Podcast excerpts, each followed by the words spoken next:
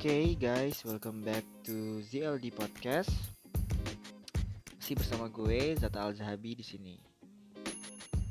Uh, kalau ngomongin bullying nih ya, ya pernah dialami oleh beberapa orang. Mungkin teman-teman yang mendengarkan podcast gue ini, mungkin ada yang pernah mengalami bullying ya, atau mungkin ada salah satu pelaku bullying gitu. Tapi semoga aja kita nggak termasuk sih ya.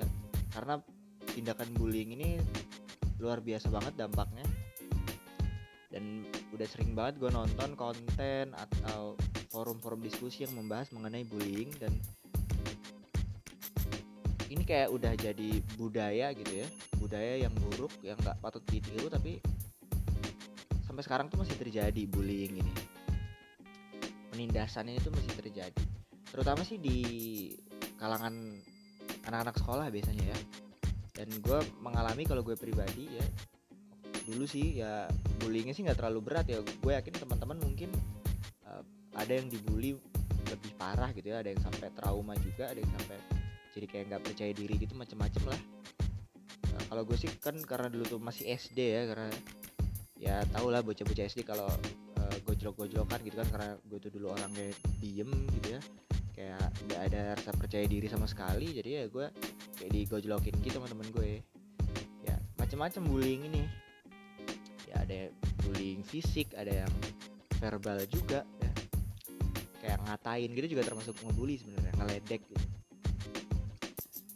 Ya oke okay, hari ini kita akan bahas bullying ya.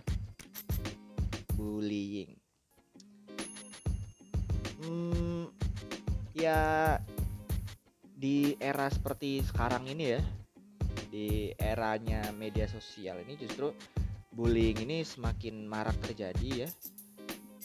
Di media sosial itu wah baik banget sih kayak melalui komentar ya kan bullying bullying dengan komentar pedas gitu ya, yang dibacanya itu gak enak gitu. Uh, ada juga yang lewat story juga lewat status juga kayak ngeledek orang-orang tertentu ya. Ngomongin masalah orang buat orang itu tersinggung itu juga sebenarnya termasuk bullying ya. Jadi hmm, di era digital ini justru semakin mudah seseorang untuk membuli orang lain atau kita juga jadi kayak punya media baru nih buat ngebully orang ya kan? Tapi ini kebiasaan atau tindakan yang nggak patut untuk dilakukan ya. Karena sama aja kita kayak jahat gitu ke orang lain kan itu istilahnya saya berbullying tapi sebelum masuk ke situ gue akan ngebahas bullying ini sendiri dulu tuh apa sih? Uh, definisi bullying secara umum tuh apa gitu. Ya sederhana sih. Terkadang kita uh, kayak bercanda aja nih sama temen. Misalnya kita ngejek teman kita ada yang gendut misalnya. Misal ya misal contoh. Terus kita uh, ledek gitu ah dasar lu gembrot gitu misalnya. Ah gentong gitu. Ah truk misal misal ya kan. Kita ledek dia kayak gitu mungkin niat kita waktu itu hanya bercanda hanya gurauan semata gitu. Tapi ketika dia tersinggung dia ngerasa sakit hati itu juga termasuk bullying loh guys gitu. Jadi nggak peduli meskipun niat kita bercanda sekalipun kalau orang yang kita bercanda itu sakit hati nggak terima itu juga termasuk bullying ya. Jadi makanya dalam bercanda juga kita harus hati-hati ya kan? Ya bener sih misalnya kalau tadi ya misalnya ada teman kita yang gendut gitu. Ah lu dasar gendut ya loh tapi kan bener emang dia gendut. Ya bang bener. Tapi eh, nggak uh, pas nggak pas aja gitu loh. Udah tau gendut ya nggak usah diomongin ya kan? Takutnya dia sakit hati ya, ya kalau dianya santai sih nggak masalah ya. Cuman kita kan nggak pernah tahu. Apalagi di media sosial gitu. Uh, ada orang ngupload foto misalnya. Ah apaan sih? Jelek gitu misalnya. Ah gigi lu uh, maju kayak bemo misalnya. Gigi lu offside. Nah itu kan bullying ya kan uh, body shaming ya. Menghina fisik gitu. Itu juga termasuk bullying. Oke jadi ini gue melansir dari bobo.grid.id bobo nih majalah bobo nih. Majalah masa kecil nih. Oke jadi apa itu bullying? Bullying adalah perbuatan tidak baik yang dilakukan oleh seseorang atau lebih kepada orang lainnya jadi biasanya bullying ini kenapa disebut perbuatan tidak baik ya? Karena itu tadi bisa menyakiti atau menyinggung orang lain ya. Itu kalau secara verbal ya. Bullying verbal gitu. Pakai kata-kata ah lu jelek misalnya ah lu gendut lu lu tonggos lu item nah itu bullying tuh. Secara verbal. Ada juga yang secara fisik ya. Ya misalnya kayak mukul rendang sampai babak belur. Ada terjadi ya kayak di SMA SMA negeri biasanya ya. Ya kalau kasus berantem itu beda lagi bukan bullying ya beda lagi tuh. Kalau bullying fisik ini bener-bener kayak dikeroyok gitu ya. Ada waktu itu gue baca artikel anak S SMA ya. Jadi dia kayak uh, kan dia junior gitu ya kelas 1 SMA kelas 10 dia dibully gitu di seret di lapangan sama senior senior nggak tahu masalahnya apa nggak tahu salahnya dia apa. Waktu waktu waktu itu beritanya sempat viral. Ya udah dipukulin aja tuh dipukulin. Dipukulin sampai babak belur tapi udah udah ampun udah minta ampun tuh si uh, anak kelas 10 nya itu si juniornya. Tapi senior tetap aja mukulin gitu dipukulin. Dan lebih parahnya lagi dipukulin itu di tempat umum guys ya. Di lapangan sekolah gitu. Jadi banyak orang ada sekitar puluhan siswa dan ada uh, tukang bersih bersih sekolah juga yang ngeliatin nggak ada yang ngelerai sampai meninggal nauzubillah. Sampai meninggal guys. Sampai berita itu viral. Orang tuanya sedih bukan main terutama ibunya. Ibunya sampai nuntut uh, eh, senior seniornya yang terlibat dalam kasus tersebut ya. Ada sekitar tujuh apa lima atau tujuh orang gitu yang terlibat. Akhirnya udah ditangkap polisi sih tapi parah banget ya kan? Dipukulin sampai meninggal tuh parah banget gitu.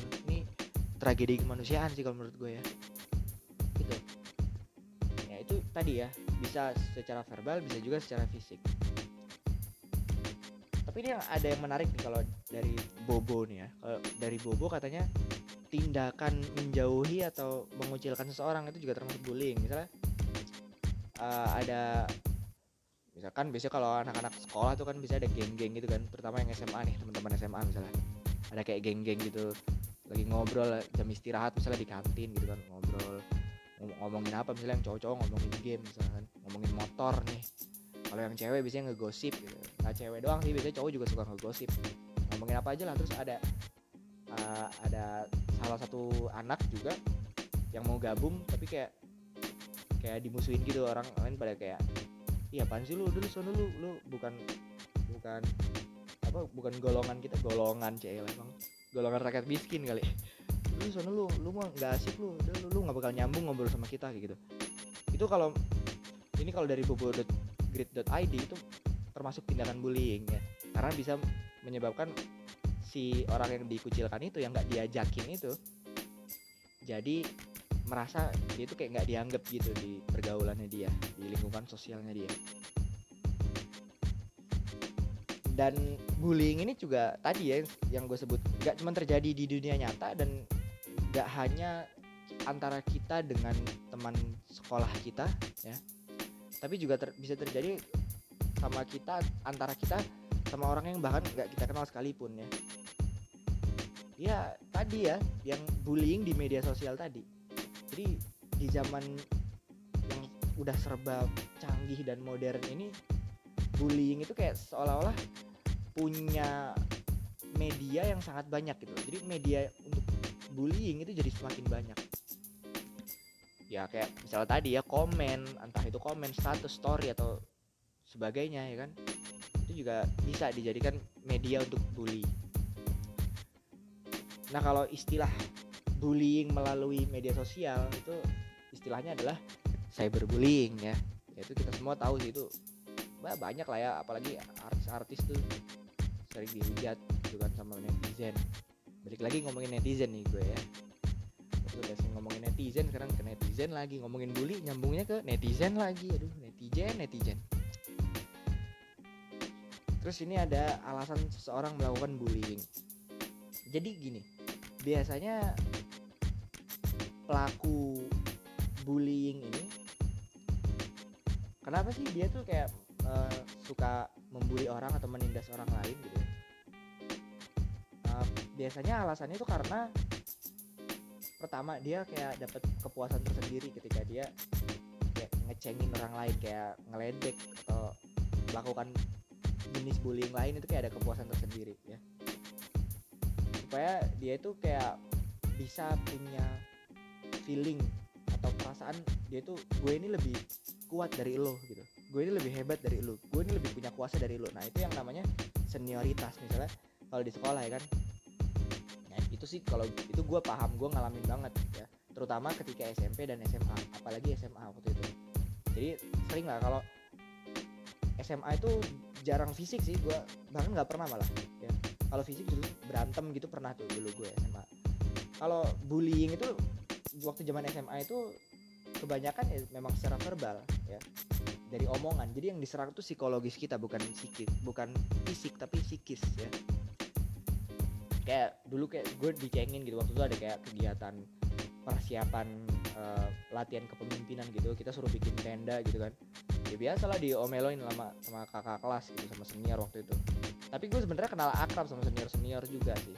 Jadi mereka tuh karena gue udah tahu mereka tuh aslinya kayak gimana jadi ketika di latihan mereka ya galak gitu ya gue paham oh ini memang tugas mereka gitu. Jadi gue nggak terlalu ambil pusing gitu. Kayak ya paling sekedar diomel eh lu lemot banget sih lu tuh temen lu tuh udah kerja.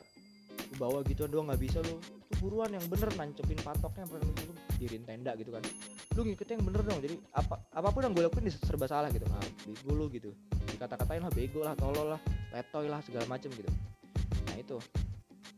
Tapi menurut gue ya ini menurut gue sih ya nggak tahu. Kalau kalian punya pandangan pemikiran yang beda ya nggak masalah bullying itu ada positifnya loh. Jadi kayak itu kayak membentuk mental gue gitu. Membentuk mental seseorang. Karena udah terbiasa dibully udah terbiasa di omongin yang nggak enak jadi kayak kebentuk gitu. Mentalnya jadi kuat. Ya dia udah biasa lah gitu. Justru kayak bukan ngebuat dia semakin nggak percaya diri justru kayak dia tuh semakin kuat mentalnya ya. Karena kalau kita kebiasaan diomongin enak-enak terus kebiasaan dikasih manis terus kita ketika kita diomongin yang nggak enak kita down kaget ya kan? Karena kita nggak pernah ya. Jadi gue rasa bullying dalam konteks tadi ya yang uh, verbal gitu ya itu diperlukan juga untuk melatih mental kita gitu. Uh, terus alasan kedua sih kenapa orang itu melakukan tindakan bully gitu ya karena ada orang yang takut gitu. Misalnya ya kalau misalnya zaman-zaman SMA tuh ada hierarki gitu kan antara senior dan junior senioritas gitu. Pasti ada aja tuh yang tipe-tipe junior yang agak takut sama seniornya ya kan agak segen gitu. Nah itu bisa jadi kesempatan sama senior tuh wah ini anak takut nih ya udah bully aja dah gitu. Ini anak lembek nih ya ini anak lemah nih ya udah bully aja dah gitu. Cengin aja gitu. Itu kayak gitu tuh alasan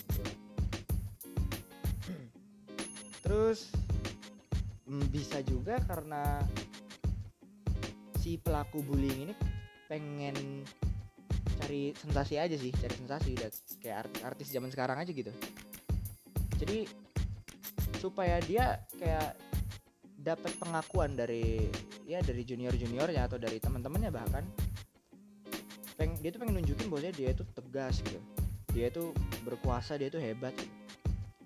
supaya dia ditakuti ya supaya dia di kayak punya nama lah gitu punya punya jabatan di situ. Jadi dia sok-sok membuli junior juniornya gitu yang masih baru ya. Jadi ya biasanya yang modelnya kayak gitu yang ngomel yang minta dihormatin begging for respect gitu biasanya. Terus suka merintah merintah ya kayak gitulah biasanya modelnya ya. Ya sih gue sering banget ketemu yang sama yang model-model kayak gitu ya ya padahal sebenarnya pelaku bully ini dia juga nggak ada yang senang ya sih sama orang yang suka ngebully gitu. Juga nggak ada yang setuju juga dengan tindakan bully apalagi kayak bully fisik. Sampai parah sampai tadi ada yang meninggal gitu ya guys. Juga nggak ada yang membenarkan ya kan.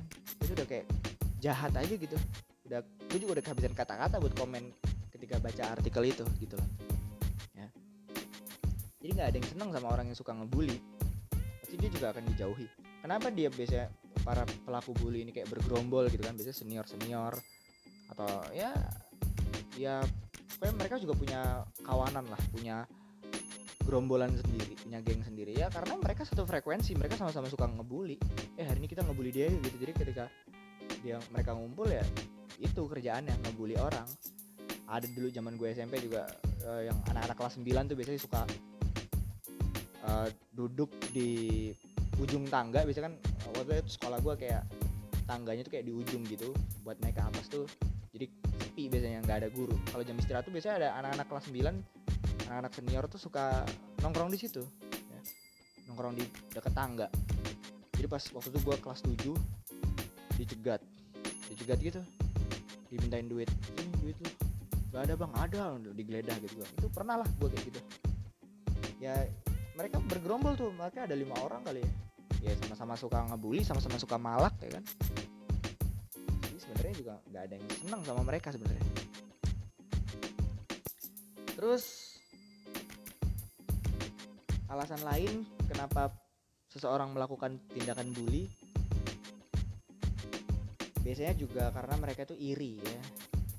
Sama kelebihan atau ya kelebihan potensi keunikan yang orang orang punya gitu loh yang dia tuh sebenarnya nggak punya nih. Tapi ada orang yang menurut dia tuh kayak punya kelebihan terus dia kayak dipuji-puji sama temennya diapresiasi sama guru karena dia iri dia pengen kayak gitu tapi nggak bisa ya udah akhirnya dia ngebully ya kan? Akhirnya dia menghujat akhirnya dia komen yang negatif gitu. Atau bisa jadi karena mereka merasa terancam. Karena kehadiran orang tersebut yang orang yang punya potensi itu. Misalnya ya itu tadi. Ada misalnya dalam satu kasus nih ya gue ambil kasus kayak uh, ada an anak junior misalnya anak kelas 10 SMA nih. Terus dia kayak punya bakat musik. Terus gurunya tuh kayak bener-bener mengapresiasi ketika ada waktu di kelas musik. Dia jago main piano misalnya. Terus gurunya tuh kayak bener-bener mengapresiasi dia sampai dia diikutin lomba segala macam untuk mewakili sekolah gitu. kan. Dia masih junior dia masih kelas 10 nah pasti senior seniornya pada iri dong. Lo kok dia sih? Dia kan anak baru. Tahu apa dia? Pasti iri kan? Nah pasti iri. Jadi nggak seneng aja kok anak baru bisa dipilih untuk mewakili sekolah. Seneng. Akhirnya terjadilah bully gitu. Rasa terancam atau iri. Tapi ada juga orang yang melakukan tindakan bully karena kayak pengen apa ya istilahnya kayak pengen menyalurkan amarah mereka aja gitu loh. Kayak gini misalnya. Uh, dia si pelaku bullying ini kan kita nggak tahu ya masalahnya apa gitu. Setiap orang punya masalah masing-masing ya. Kadang bisa jadi karena dia punya masa lalu ya yang atau masalah keluarga misalnya yang membuat dia itu jadi jiwanya itu jadi nggak tenang gitu. Nah, akhirnya disalurkanlah ketidaktenangannya itu dengan dia marah-marah ke orang yang dia rasa lebih junior gitu. Misalnya dia waktu itu di sekolah kelas 12 nih kan, terus punya masalah keluarga. Ya, dia jadi sensitif gitu ketika ngelihat anak baru yang petakilan, yang nyolot atau yang berprestasi lah ya. Akhirnya dilakukanlah tindakan bully baik itu fisik secara ataupun secara verbal. Atau dia juga punya masa lalu misalnya nih dia dulunya pernah dibully. Ya, ini sering banget sih terjadi gitu. Jadi kayak dari generasi ke generasi kayak turun temurun gitu. Dia dulu waktu junior waktu dia masih jadi junior dia dibully.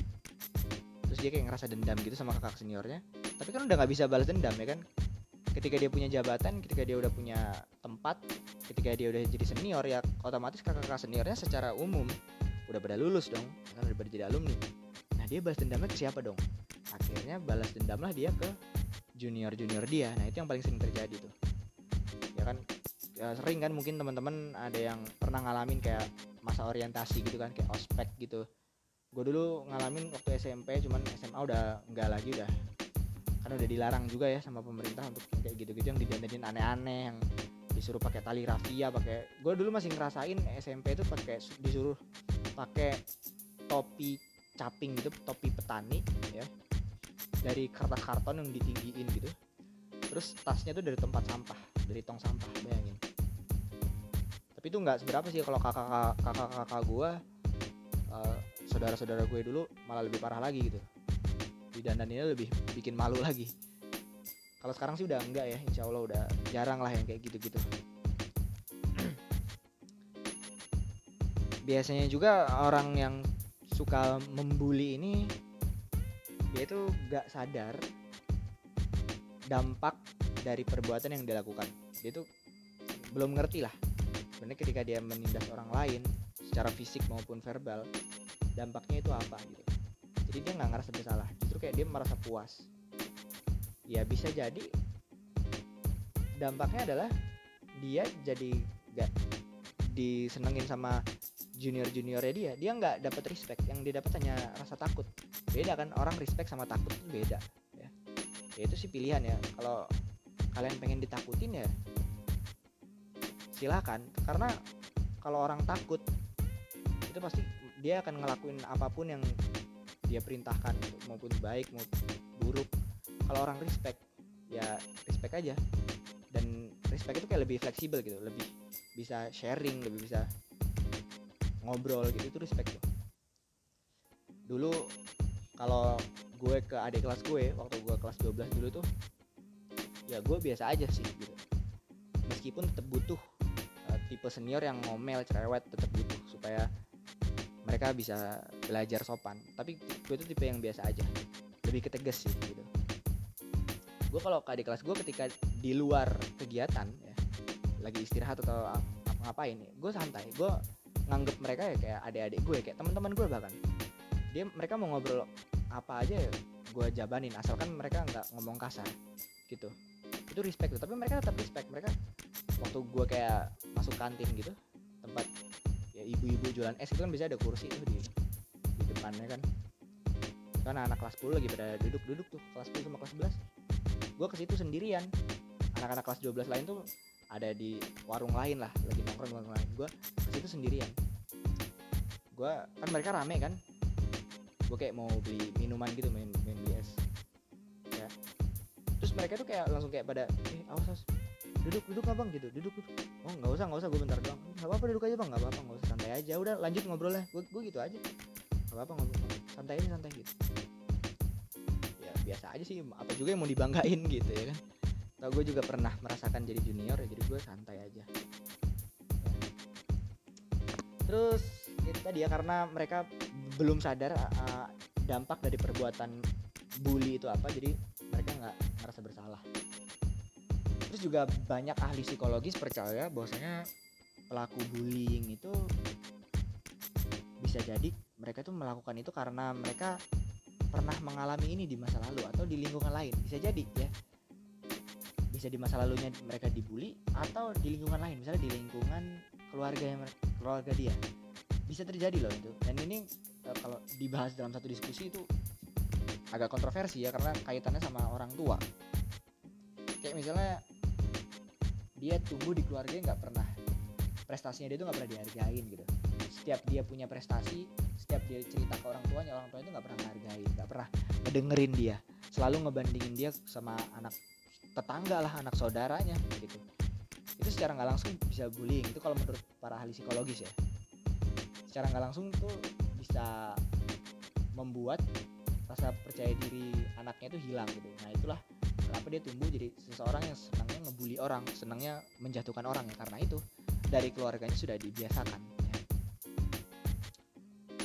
terus ini masih dari bobo.grid.id apa yang harus dilakukan jika menjadi korban bullying? Ini buat kalian ya yang mungkin pernah mengalami bullying atau sedang mengalami bullying ya. Kalian pesan dari gue kalian tetap sabar ya. Itu pasti berdoa sama Tuhan minta perlindungan dan jangan diem ya. Saran gue jangan diem karena dulu gue juga pernah mengalami. Ketika gue diem itu malah mereka makin melunjak. Jangan diem dan jangan marah ya. Jadi diem jangan marah jangan. Diem itu kan dalam arti kita nggak berbuat apa-apa. Kita kita dikatain kita kita diremehin dibully habis-habisan kita diem aja gitu kan. Kita menangisi gitu kan meratapi nasib kita gitu. Kenapa sih gue diginiin kita sedih? Ya wajar sih sedih kan manusiawi. Cuman kita nggak boleh diem tunjukin potensi kalian aja tetap jadi diri kalian sendiri. Misalnya potensi kalian di bidang seni ya udah terus asah. Terus asah potensi kalian ya terus jalanin. Kalau misalnya di bidang akademik ya udah terus belajar gitu. Giatin belajarnya. Nggak usah terlalu peduliin orang-orang yang ngebully gitu. Dan jangan marah. Kalau marah karena gue juga pernah jadi tipe orang yang marah ketika digituin gue baru sadar sekarang marah itu malah justru ngabisin tenaga gitu. Buang-buang energi. Karena marah capek ya kan? Di sini mungkin kalian semua ngerasain kan? Marah capek gak sih? Ada gitu ya orang sambil marah terus langsung happy gitu kan? Nggak ada kan? Orang marah pasti langsung ngos-ngosan ya kan? Detak jantung meningkat gitu. Marah itu capek gitu. Perlu energi banyak. Jadi daripada kita membuang energi kita untuk marah ya ya mending kita alihkan energi kita untuk hal-hal positif untuk mengembangkan potensi kita ya kan? gitu oke jika kita menjadi salah satu korban bullying ini dari bobogrid.id ada beberapa hal yang bisa kita lakukan pertama temui seorang yang kamu percaya dan beritahu pada mereka apa yang terjadi padamu. Jadi cerita sama orang yang kita percaya. Ya bisa orang tua, mungkin ada teman-teman yang dekat sama orang tua. Curhat aja sama orang tua, nggak apa-apa. Curhat sama orang tua atau kalau uh, bukan ke orang tua, ke temen misalnya, ke teman kita. Atau kalau nggak ke guru, misalnya yang di sekolah nih, ke guru. Cerita aja ke guru BK. Pak, saya tuh sebenarnya dibully sama sama siapa kamu dibully? Sama ini ini ini. Pak, sebutin aja namanya. Terus kamu dibulinya gimana? Saya suka dimintain duit pak. Saya suka dipukulin gitu. Oh yaudah itu pasti ditindak kok insya Allah ya pastilah. Karena itu juga sering terjadi dulu ketika SMP SMA aku juga. Sering banget gitu. Terus yang kedua jika bullying terjadi di sekolah maka beritahu seseorang uh, guru atau penasihat sekolah. Nah ya ini sama kayak tadi ya. Kasih tahu guru ya atau pihak-pihak yang berwajib lah ya. Biasanya guru BK sih kalau di sekolah tuh ada guru BK atau kesiswaan juga yang biasanya menghukum para tukang bully itu ya. Karena bisa aja kalau misalnya mungkin teman-teman yang masih sekolah ya atau kuliah sama kayak gue lah ya. Itu pasti gue yakin setiap institusi pasti punya kebijakan gitu ya punya peraturan yang beda-beda. Kalau misalnya ada peraturan yang tertulis jelas tentang bullying ini pasti itu jauh lebih baik ya kan? Pasti ada pasti ada ganjarannya buat mereka juga gitu loh. Jadi nggak usah uh, marah apalagi sampai ngelawan gitu ya. Emosi itu ya ya kayak gitu sih gue juga pernah ngerasain ya. Berasa pengen mukul gitu ya orang yang suka ngata-ngatain gitu. Tapi justru itu malah memperburuk situasi gitu. Karena biasanya dekingannya banyak orang bully tadi kan. Orang bully itu nggak mungkin dia sendirian pasti dia rame-rame ya. Itu nunjukin bahwa dia tuh nggak berani dia tuh nggak punya nyali. Sebenarnya. Buktinya rame-rame. Rame-rame ngeroyok satu orang ya kan? Banci berarti kan. Pengecut. Nah terus selanjutnya jangan takut untuk melaporkan tindakan bullying pada pihak yang memiliki wewenang. Jika kamu berani tandanya kamu menyelamatkan dirimu sendiri dan korban bullying lainnya. Pihak yang berwenang ini bisa siapa pun ya. Bisa guru kalau di sekolah ya. Kalau di kampus ya bisa dosen misalnya dosen pembimbing atau dekan ya. Macam-macam lah ya. Atau kalau di masyarakat yang lebih luas bisa polisi ya. Satpam penegak hukum itu. Bullying kalau di masyarakat luas ya biasanya pemalakan premanisme gitu ya laporin aja ke pihak berwajib mau soal itu ditanggepin atau enggak segala macam ya itu urusan nanti. Intinya usaha kita adalah melaporkan ke pihak yang berwajib pihak yang berwenang. Supaya para pelaku itu dikorban dikorban lagi dikorban. Supaya para pelaku dan korbannya itu dapat sama-sama dapat keadilan. Pelakunya ditindak tegas dan korbannya juga merasa tenang merasa nggak merasa terancam lagi gitu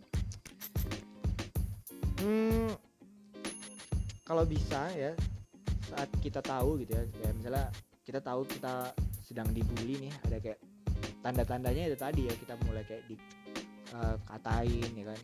Kita di komen nggak jelas atau bahkan sampai lebih parah kayak dipukulin ya bully secara fisik gitu ya. Kita dipalak misalnya sekolah tuh sering banget terjadi premanisme premanisme sejak dini ya masih pakai seragam udah minta-minta duit sering banget. Uh, ketika kita tahu ada tanda-tanda itu ya ini bobo ini juga ekstrim juga nih. Tunjukkan sifat berani dan percaya diri kita agar para pembuli berpikir ulang. Ya ini ada bener ya. Jadi kadang ya guys kadang sih ya nggak semua para pelaku bullying itu hanya membuli mem uh, karena memang mereka tahu orang yang mereka bully itu pantas dibully dan dia nggak ada perlawanan gitu. Jadi mereka tuh hanya membuli orang-orang yang rela dibully ya kan? Mau dibully. Maksudnya apa mau dibully? Mereka takut. Mereka nggak ada perlawanan sama sekali. Ya makanya dibully terus. Makanya dipalkin terus itu sering banget tuh. Dulu SMP gue ya ada yang kayak dijadiin budak gitu kayak dijadiin jongos aja gitu. Tiap jam istirahat disuruh beli. Eh SMA yang ada sama anak-anak kelas 11 kelas 12 tuh waktu zaman zaman gue kelas 10 tiap istirahat suruh beliin mie ayam lah beliin nasi goreng lah ke kantin terus balik lagi ke kelas suruh bawa ke kakak kelas doang.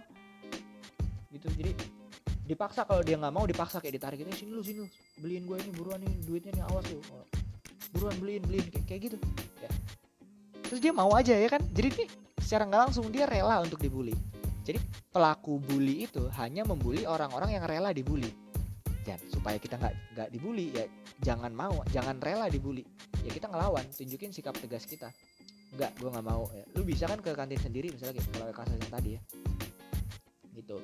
Ya ini juga nasihat buat diri gue sih karena dulu gue juga sempet takut gitu apalagi pas SMP gue pernah dipalak segala macam pernah dimintain duit. Dan gue nggak nggak berani ngelawan karena mereka rame-rame ya.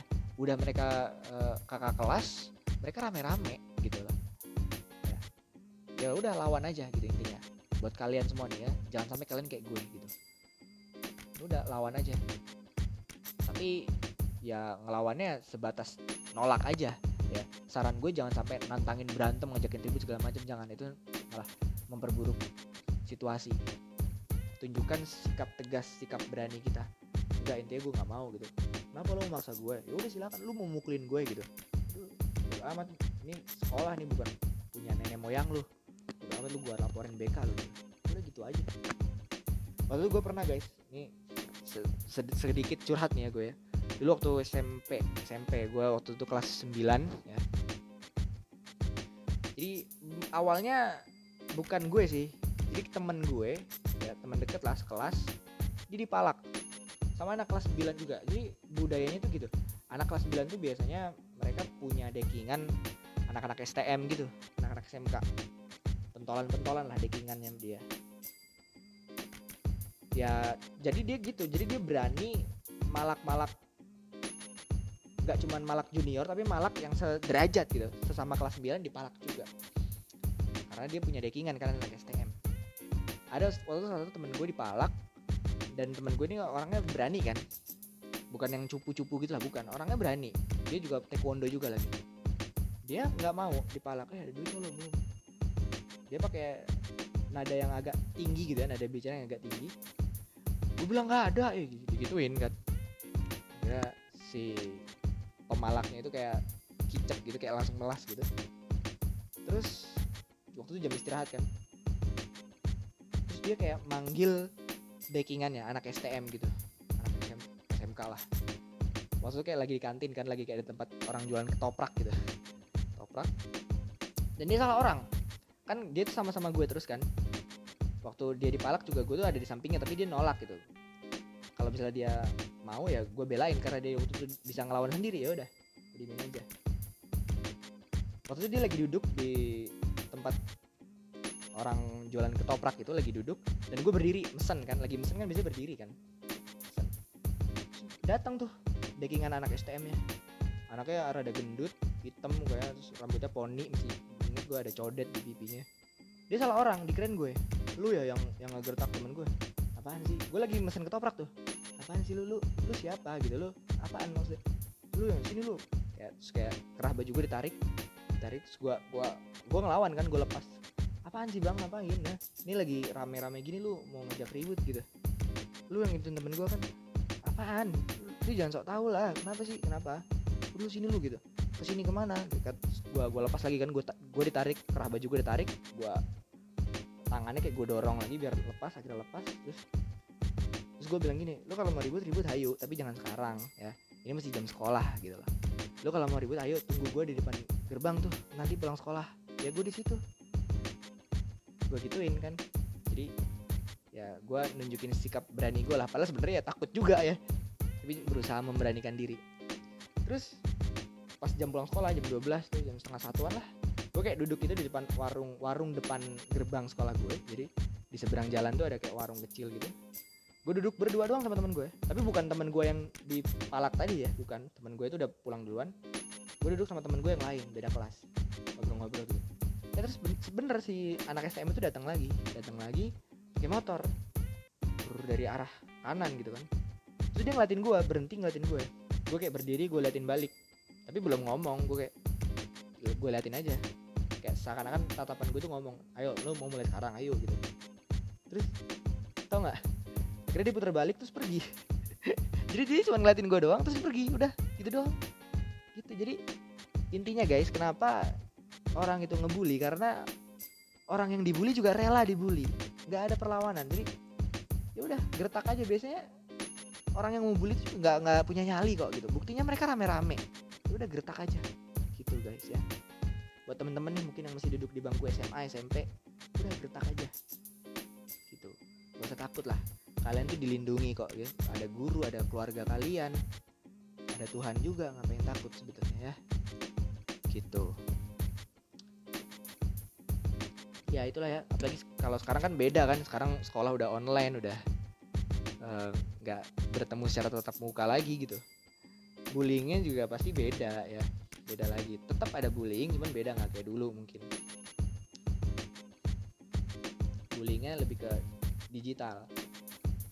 Terus oke sekarang kita masuk ke cyberbullying nih kan. Bullying di media sosial. Ya media sosial tuh kan kalau kita upload apa pun pasti itu kayak bisa dilihat semua orang gitu ya jadi beragam komentar yang kita terima ya mulai dari lucu bagus ngeselin. Ya. kadang komentar yang nggak baik atau komentar negatif itu bisa menyinggung gitu ya. Menyinggung orang lain menyinggung diri kita bahkan. Dan itu secara nggak langsung juga bullying cyberbullying. Kalau yang lagi marak tuh sekarang eh, body shaming ya nggak sih? Ya ada orang upload fotos di yang diserang tuh fisiknya. Nah ini lebih kejam menurut gue ya. Body shaming ini. Misalnya tadi tuh eh gendut lu ah, hitam lu jelek misalnya gitu. Itu namanya body shaming. Dan ini lebih kejam lagi menurut gue daripada bullying jenis bullying yang lain. Ya sama. Setiap bullying pasti kejam ya. Tapi kalau saya body shaming ini lebih kejam lagi karena menghina fisik. Karena setiap orang itu nggak pernah minta dilahirkan seperti apa ya kan? Jadi kalau kita menghina fisik seseorang kita kayak secara nggak langsung kita menghina pencipta sang pencipta gitu loh. Kan kita nggak pernah milih kita dilahirkan seperti apa ya nggak sih? Ada gitu yang milih "Eh, ya Allah saya mau dilahirin eh, matanya belok hidungnya mancung rambutnya lurus. Kan nggak pernah kan? Tau-tau lahir aja kayak gitu. Jadi kita ketika kita ngeledek orang ah lu pesek gitu misalnya. Ah lu jelek gitu kita menghina fisik seseorang secara nggak langsung kita juga menghina penciptanya dia ya kan? Terus yang marah siapa kalau gitu? Ibarat kata gue punya eh, karya nih terus karya gue dihina orang misalnya. Dihina ah apaan sih lu? Konten lu jelek. Kira-kira yang marah tuh konten gue konten gue yang podcast ini yang marah yang ngomel atau gue yang bikin? Kan gue yang bikin yang tersinggung ya kan? Sama kayak gitu juga. Kita menghina fisik seseorang orangnya mungkin bisa marah bisa tersinggung. Cuman yang lebih marah pasti yang yang menciptakan dia. Yang menciptakan siapa gitu kalau ya kan? Setiap orang beriman pasti percaya ya kan? Manusia itu semua ciptaan Tuhan. Ketika kita menghina manusia juga secara nggak langsung kita menghina sang penciptanya. Jadi hati-hati deh. Jadi menurut gue lebih kejam lagi kalau body shaming ya. Ada orang yang rela operasi plastik lah karena body shaming di medsos ada yang orang lihat nekat diet ekstrim sampai uh, kurang gizi gitu ya. Ada yang operasi plastik justru jadi jelek gitu kan mukanya tadinya cantik jadi jelek kebanyakan operasi operasi plastik misalnya. Artis-artis luar negeri itu kan banyak yang kayak gitu ya kan. Karena dibully orang. Ya. Ya udah guys. Jadi itu ya guys tentang bullying ya. Ini kayak kasus yang sudah turun temurun terjadi dari generasi ke generasi nggak penting sebenarnya ketika kita menjatuhkan orang lain untuk menaikkan harga diri kita tuh nggak penting gitu. Kita nggak perlu menghina orang lain supaya kita terlihat mulia itu nggak perlu ya. Justru kita lebih hina dari orang tersebut ya. Gitu guys. Wah udah 40 menit aja nih. Nggak kerasa ya kalau ngomongin bullying ini karena ini kasusnya luas banget ya. Dan pasti gue yakin di antara kalian mendengarkan podcast gue ini pasti ada yang pernah mengalami bullying ya. Ya semoga eh, nggak uh, ada yang pernah menjadi pelaku bullying ya. Semoga sih jangan pernah. Kalau misalnya ada ya semoga ini bisa jadi pelajaran untuk tidak membuli lagi gitu. Ini ada juga dari UNICEF nih ya. Jadi ternyata sejak dini itu kita perlu ditanamkan untuk menghadapi bullying gitu ya. Pertama kayak bicara secara terbuka terus kayak terus membangun rasa percaya diri. Terus ya membangun karakter supaya nggak gampang terpengaruh orang lain. Hati-hati dengan media sosial macam-macam nih. Karena bisa lewat media sosial juga. Terus mendengarkan nasihat orang tua gitu. Misalnya kita cerita ke orang tua cara ngadepinnya gimana pasti kan orang tua lebih tahu dari kita ya kan? Lebih paham kan mereka lebih lama hidup di dunia dari kita jadi mereka pasti lebih tahu. Kita minta support ke orang tua kita atau orang-orang yang lebih berpengalaman dari kita gitu ya. Komunikasikan apabila kita mengalami kasus bullying gitu. Ini dari unicef.org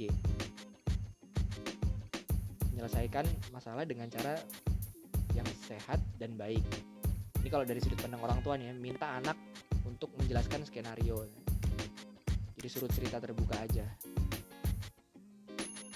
Ya gitu guys ya. Terus ini ada closing statement nih dari UNICEF nih ya. Selain menjadi sistem pendukung untuk anak untuk anak orang tua juga dapat bekerja sama dengan sekolah ini buat mungkin orang-orang tua yang mendengarkan ini juga ya. Atau mungkin teman-teman bisa sampaikan ke orang tua kalian. Orang tua dapat bekerja sama dengan sekolah bahkan membuat keputusan lokal atau nasional dan pemimpin daerah untuk mengubah kebijakan. Ya maksudnya berkoordinasi dengan yang tadi udah gue jelasin ya dengan orang yang punya kuasa authority pihak berwajib pihak berwenang gitu ya baik itu sekolah guru gitu ya atau pihak keamanan bahkan sampai pemerintah ya. Gitu jadi jadi kita nggak perlu ngelawan secara fisik nggak perlu karena udah ada porsinya masing-masing. Kita hidup di masyarakat yang semua itu udah ada porsinya masing-masing gitu. Ada penegak keadilan ya kan? Ada polisi ada satpam ada pemerintah. Ya laporin aja ke mereka itu mengganggu atau meresahkan diri kita pribadi maupun masyarakat gitu. Ya oke okay guys itu aja dari gue tentang bullying ini. Mungkin ada dari kalian yang pengen kasih masukan kita mau ngomongin apa lagi nih di podcast gue ini boleh kalian DM ke Instagram gue @zatazahabi ya silahkan kalau topiknya menarik topiknya seru ya udah gue omongin deh oke itu aja guys ya. Thank you banget kalian udah mendengarkan. Semoga ini bisa jadi pelajaran yang berharga buat diri gue pribadi dan buat kalian semua juga. Oke semangat terus. Mungkin kalian yang pernah mengalami bullying ya karena gue tahu rasanya gimana tahu. Karena gue pernah mengalami juga. Buat teman-teman yang atau yang sedang dibully saat ini tetap semangat.